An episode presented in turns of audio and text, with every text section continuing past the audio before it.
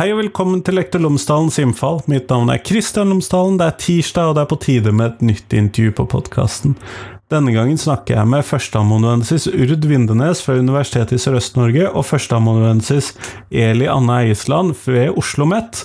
Vi skal snakke om hvordan vi jobber med grammatikk i skolen, hvordan vi kan utforske, og hvordan vi kan forstå grammatikken. Og må man egentlig lære så mye om den? Hvorfor er dette viktig? Er dette et dynamisk eller et statisk fenomen? Hva tenker vi om det? Hvilken påvirkning har det på hvordan vi lærer om grammatikk? Det siste tror jeg er viktig. Her ligger det også ofte en generasjonskonflikt, mistenker jeg, sånn at eh, det tror jeg kan bli interessant for de fleste av oss å høre om. Men det er i hvert fall dagens episode på podkasten. Og Podkasten er som alltid sponset av Fagbokforlaget, og Fagbokforlaget utgir bøker og digitale læremidler for hele utdanningsløpet, fra barnehage til høyere utdanning og profesjonsstudier, samt norsk for minoritetsspråklige. Og Det siste året så har det kommet ut en rekke spennende titler til lærerutdanningen, og litt av problemet med at det kommer ut stadig vekk nye titler til lærerutdanningen, er at det er veldig mye spennende, og det oppdateres jevnlig. Så det jeg anbefaler deg, er at du går inn på fagbokforlaget.no, og så sjekker du ut nye læremidler der, for det tror jeg kan være interessant. Jeg har tidligere snakket om bøkene Profesjonell muntlighet og Lekende læring og lærende lek i begynneropplæringen. De har du hørt om noen ganger. De kan du absolutt se på også, men sjekk ut fagbokforlaget.no, så finner du mange nye tips til bøker, læremidler, læreverk osv. Det tror jeg du vil sette pris på. Men nå, nå får du intervjuet med Urd og Elianne, vær så god.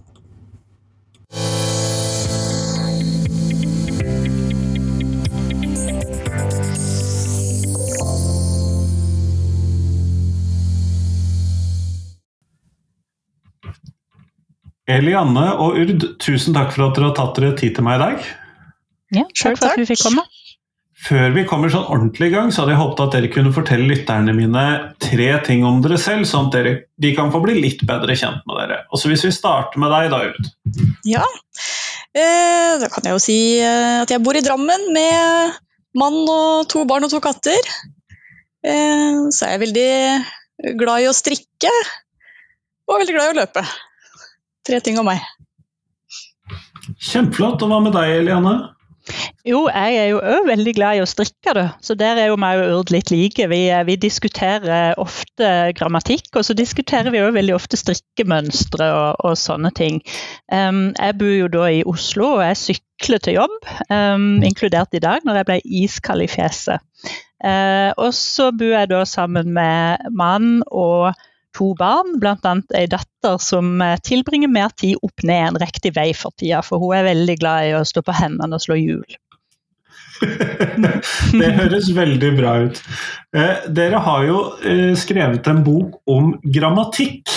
Og jeg som lærer, men ikke som norsklærer, og det er jo kanskje et viktig poeng i dette, eh, så er jo grammatikk noe som av og til er litt mystisk. Det er noe som eh, fremstår som eh, litt sånn eviggyldige sannheter, og også noe som eh, man kanskje irriterer seg over at forandrer seg. Men kunne vi snakke om er denne grammatikken statisk, eller hvordan skal vi forstå dette her?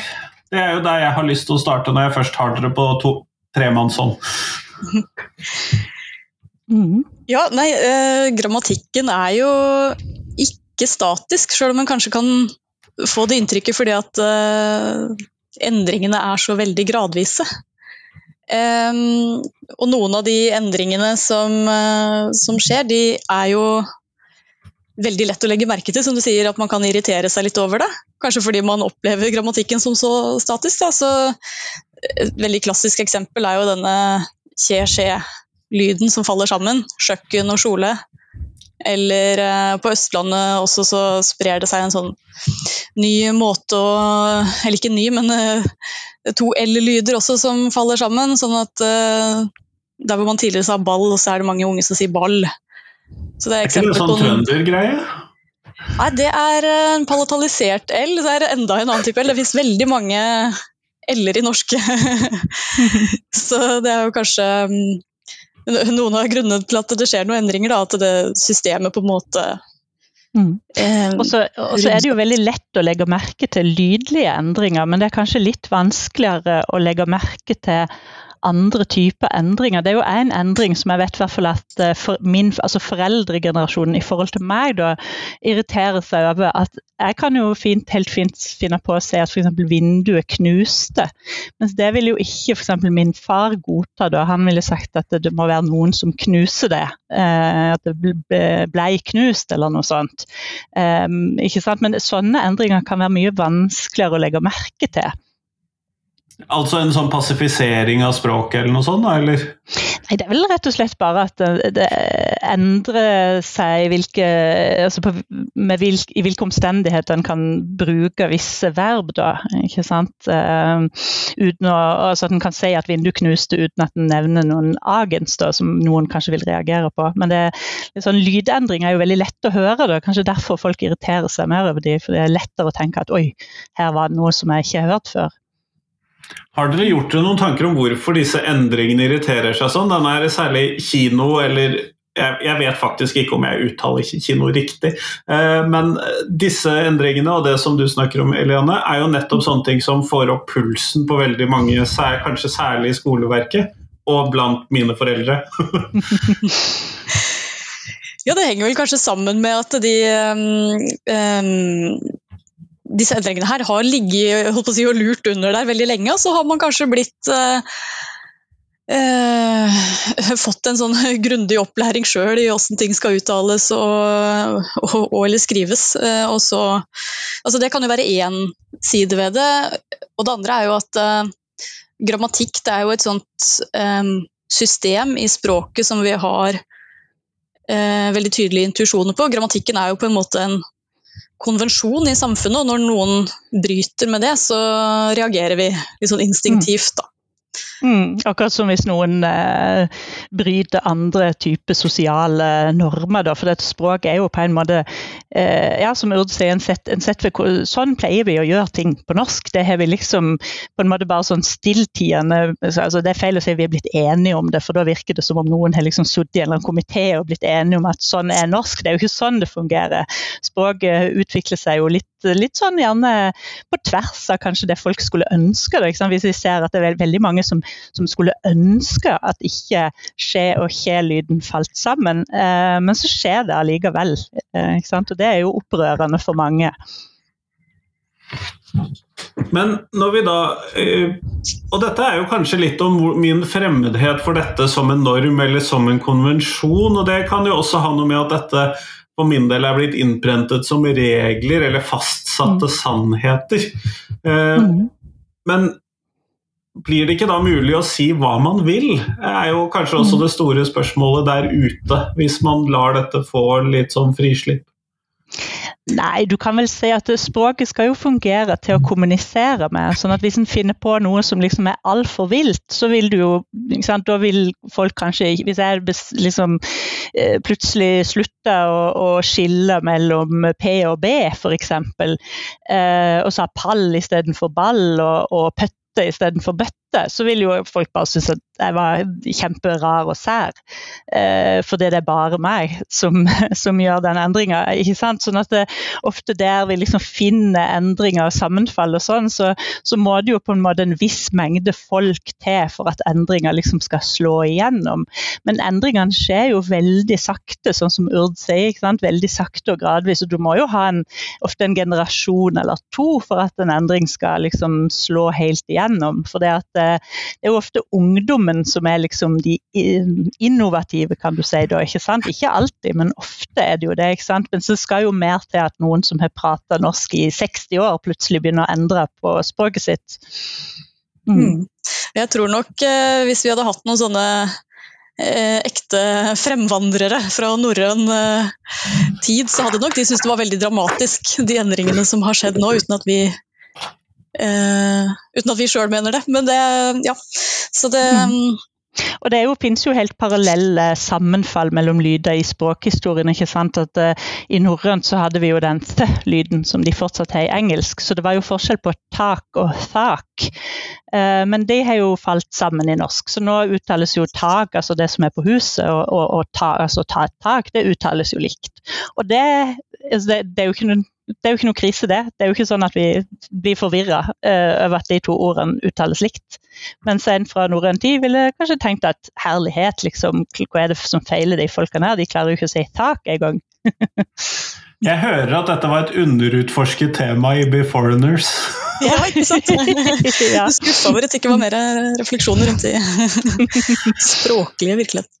Men, men, hvor skal liksom grensa gå for eh, elevers hva skal vi kalle compliance med disse grammatikalske reglene? Da? Hvor er det hvor, hvor kan, bør, må denne grensa trekkes? Eh, altså, for at uh, for at vi skal lære å skrive, så må vi jo selvfølgelig uh, ha opplæring i regler, og er særlig de reglene som i skrift skiller seg fra det vi har intuisjon om i vårt muntlige språk. Uh, så ja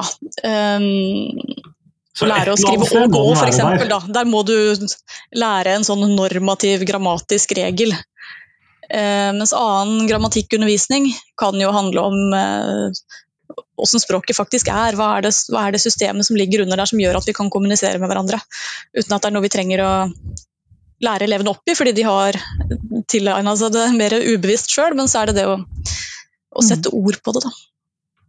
Mm. Så har vi jo denne her talemålsparagrafen i, i, den norske opplæringsloven da, som sier at det er læreren og elevene sjøl som velger hvilket uh, talemål de vil bruke i klasserommet. Så en skal jo uh, være litt forsiktig med å, å rette på eh, ting som er på en måte en naturlig del av elevens eget talemål. Men det betyr jo selvfølgelig ikke at en ikke kan bevisstgjøre på f.eks. Altså det finnes jo ulike typer muntlige sjangre der noe passer bedre enn noe annet, og, og sånne ting. Eh, ikke sant? Uten at en nødvendigvis sier at uh, sånn og sånn er alltid feil. Eh, mer en sånn bevisstgjøring. ikke sant? At vi bruker jo ulike register i ulike situasjoner. En prater ikke likt med bestemor som en gjør med kompiser. Så alle sånne ting er jo ting som en kan ta opp og, og som, som ikke sant, Forskjellen på, på, ungdomsspråk og voksenspråk kan jo være veldig interessant å dykke ned i, i klasserommet. Da. Mm.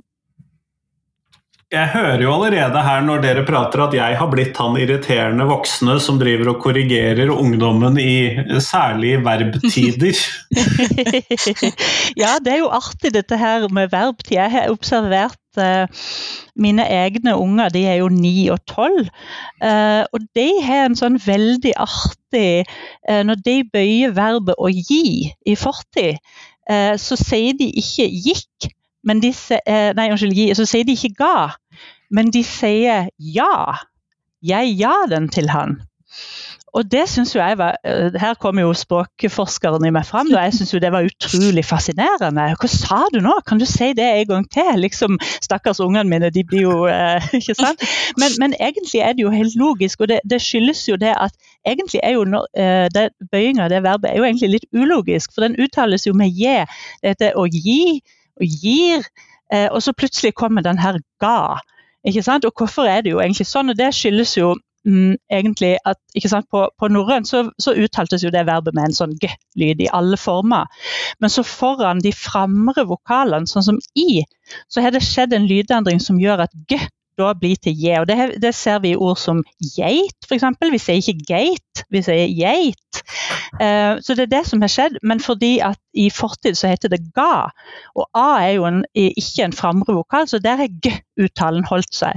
Så det som unger rett og slett gjør når de sier 'jeg ja den til han', det er jo at de gjør bøyingssystemet for det verbet mer logisk. Ikke sant? Gi gir, ja, har gitt. Det er jo mer logisk. Samme lyd i alle former. ikke sant? Eh, og så det jo, vil det jo gjenstå å se om den endringa vil spre seg, eller om de vil på en måte slutte med det på et eller annet tidspunkt og liksom gå over til den voksne varianten av det verbet. da. Er det noen andre sånne språklige endringer som man har merket seg i litt større skala enn bare hjemme hos deg, Eliane? det er mulig at det er større ja. enn det, da. Det er mulig det. Jeg skal ikke kimse av det.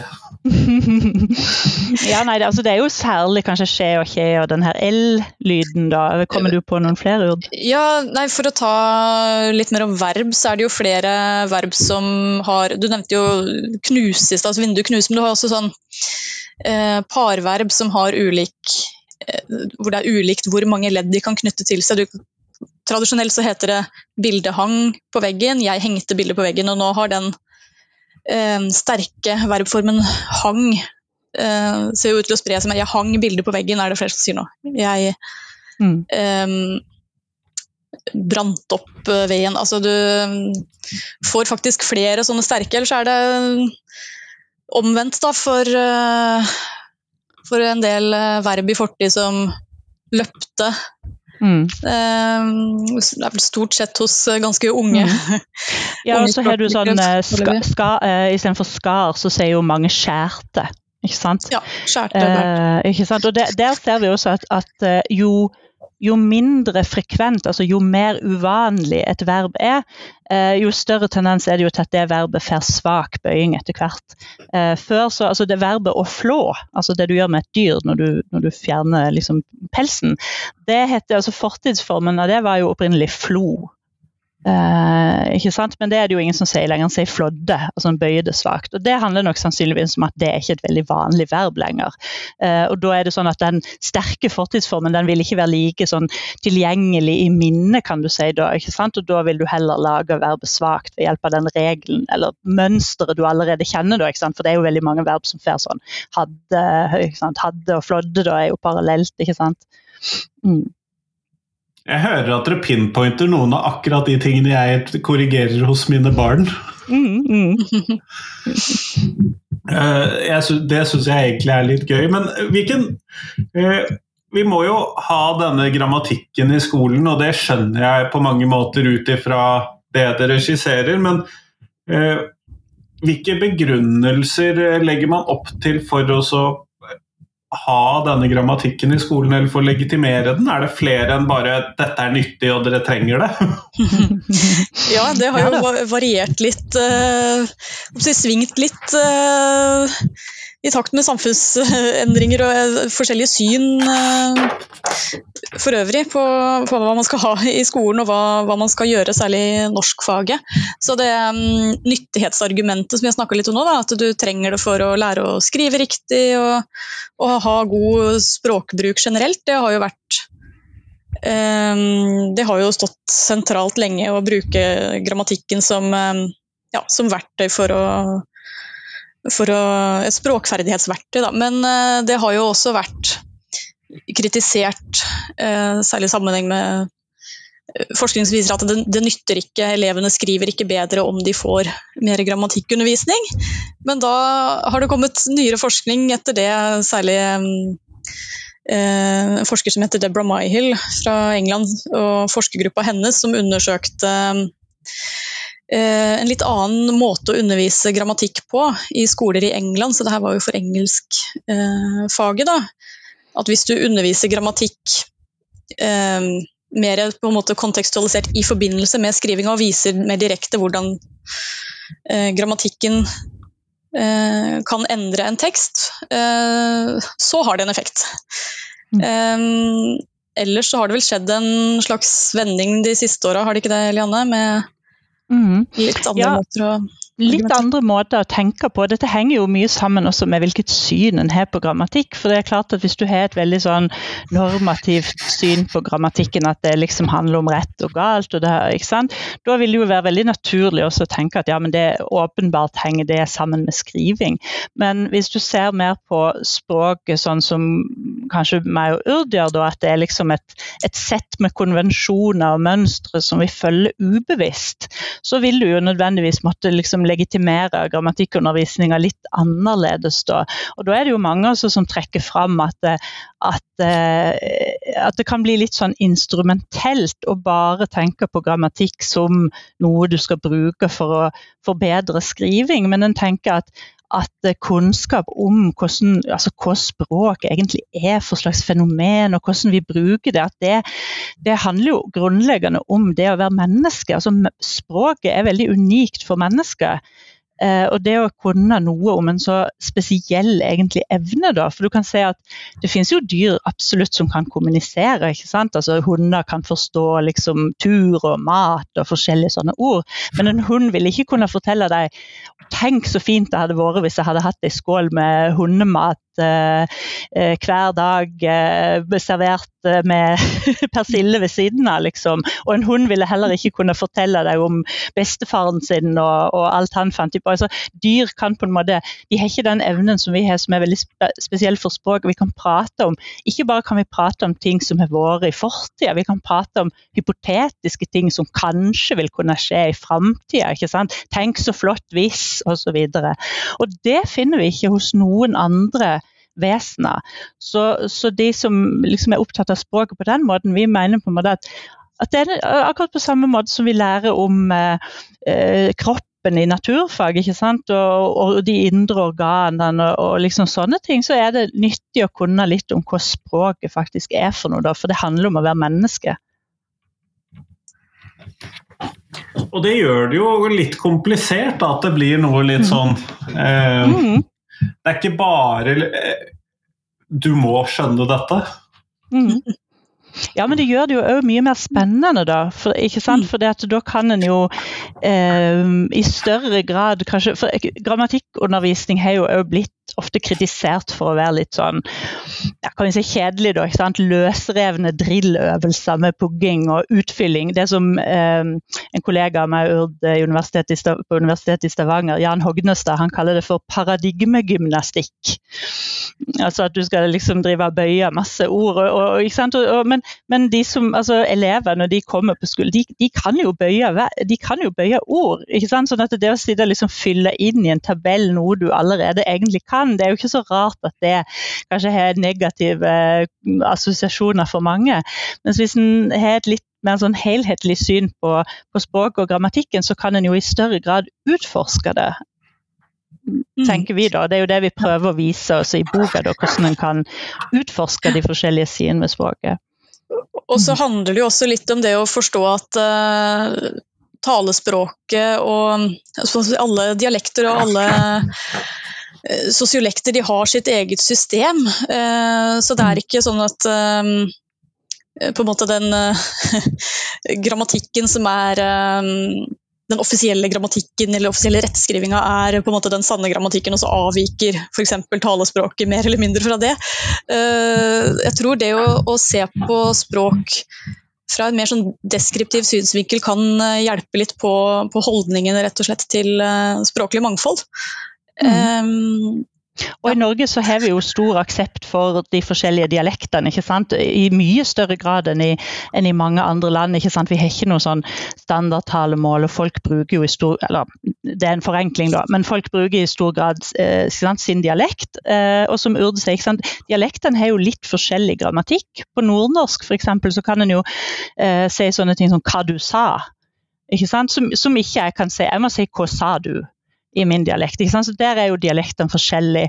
Eh, på den andre sida, på min dialekt, så kan jo jeg stille spørsmål på en annen måte. Jeg kan f.eks. si til Urd eh, om du skal på kontoret i morgen, Uh, og det vil jo mange på Østlandet reagere på. Sånn, er det et fullstendig spørsmål? Ja, det, det, kan ikke Urd si, f.eks. Så der er jo dialektene De har forskjellig grammatikk, rett og slett. Mye er jo likt, da, selvfølgelig. Det er jo ikke sånn at alle har totalt forskjellig grammatikk, for det er jo samme språk liksom, i, i, stor grad, men, men dialektene har ulik grammatikk. da. Men er det ikke reelt sett et, hva skal vi kalle det, et statushierarki på disse dialektene og en eller annen form for standardnormert bokmål i skoleverket?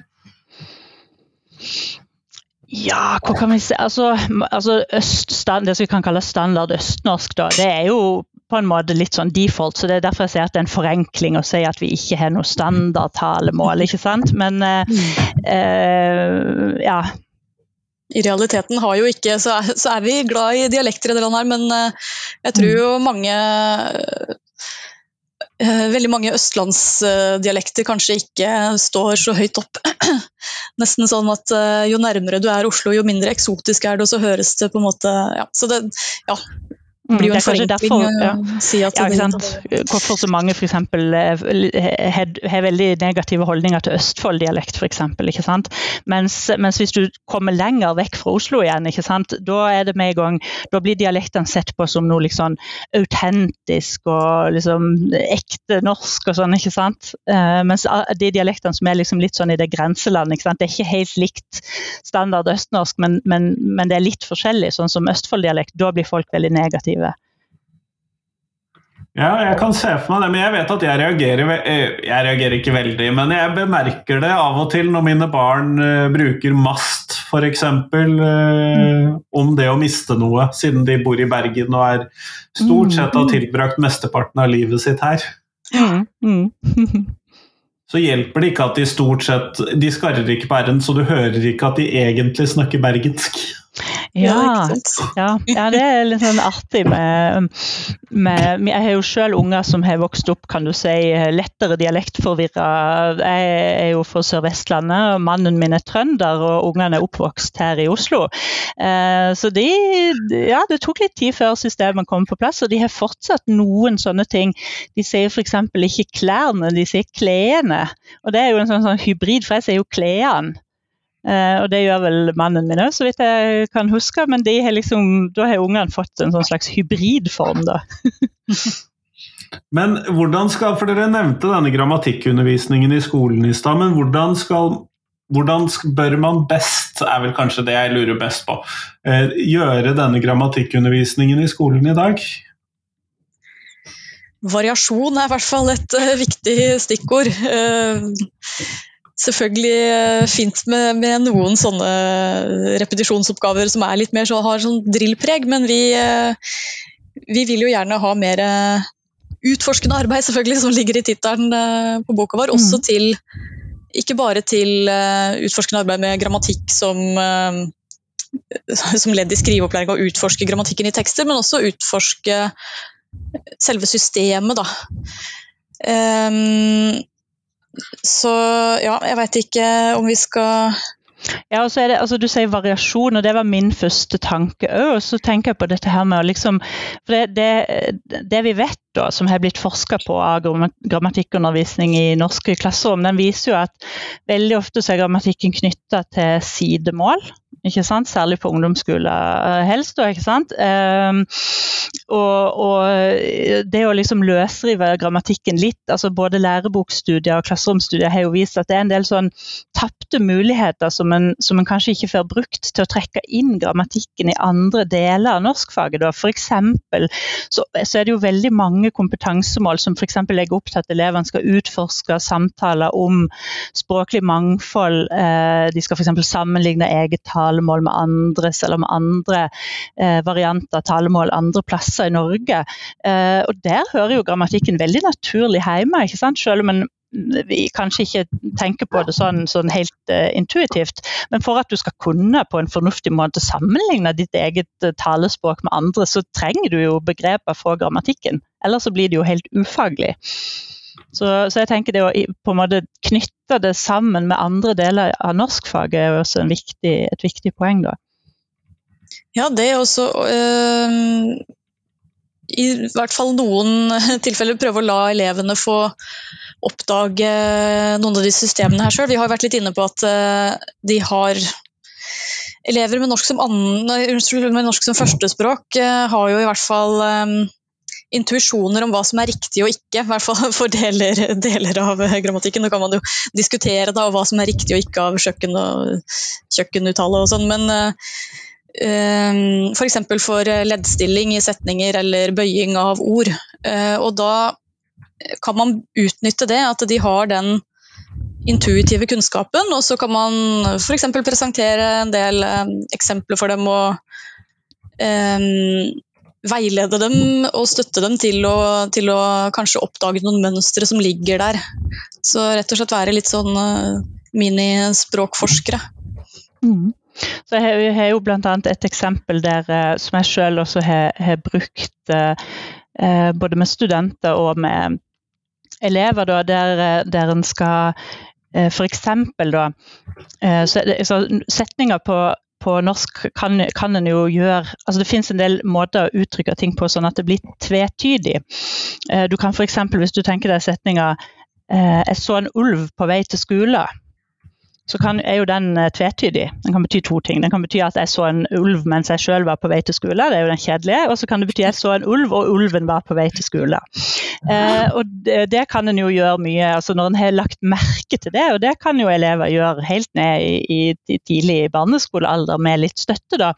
Så er jo det veldig morsomt. Og da kan en jo f.eks. det som jeg har gjort, er jo bedt de må tegne de to forskjellige tolkningene.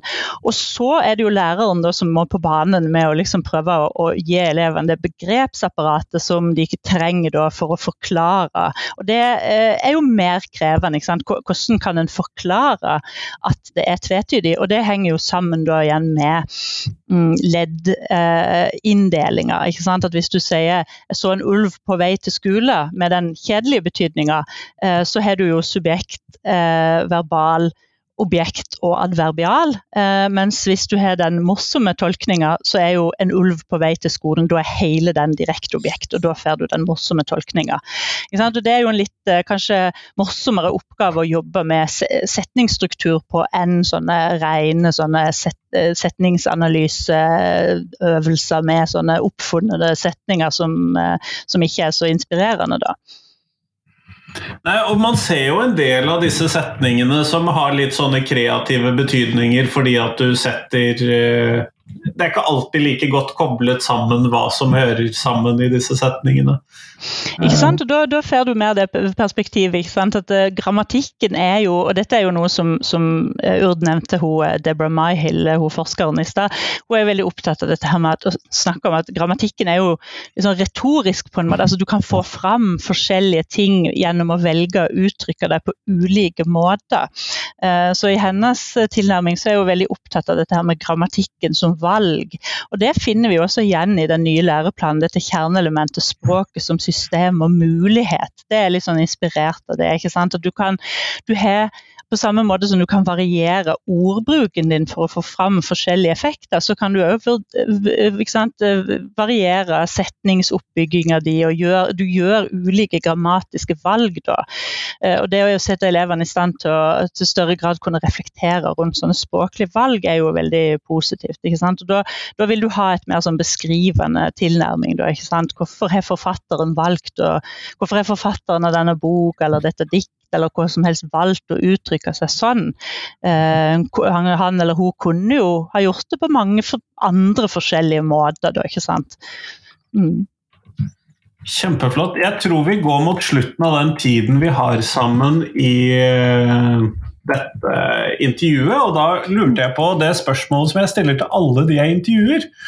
Eh, og det jeg avslutter med for tiden, er hvilken lærer har gjort størst inntrykk på deg, og hvorfor det? Og da tenkte jeg jeg skulle starte i motsatt rekkefølge av i stad, så Elianne?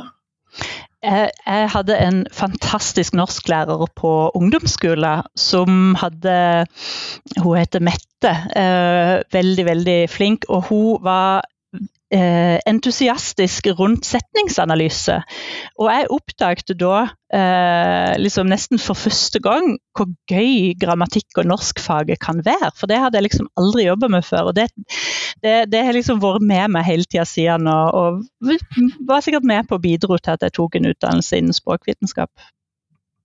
Hva med deg, Urd?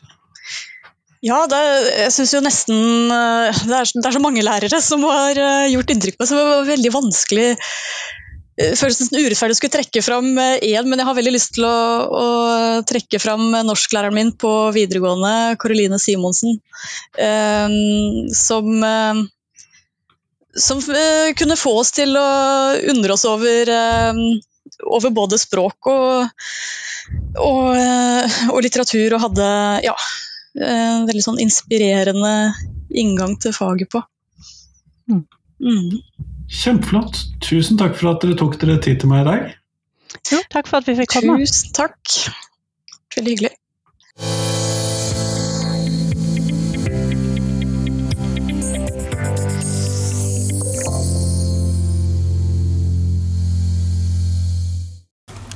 Tusen takk til Kristin, Daniel, Anne Pia og til deg som hørte på, selvfølgelig.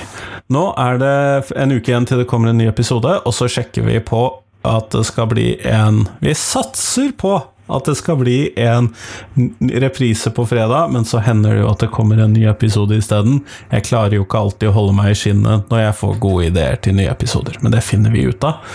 Jeg håper at du tar deg muligheten til å ha Pass på at du har litt fri i alle oppkjøringene opp mot uh, slutten av skoleåret. Det er jo alltid krevende, sånn at jeg håper at du er med på det. På fredag er det jo uansett påskeferie, og da håper jeg at du faktisk klarer å la rettepunktene ligge hjemme. Men det finner vi ut av. Og så kommer det selvfølgelig podkastepisoder gjennom hele påsken også, sånn at eh, kos deg med det. Men nå, ha en fin uke. Hei, hei.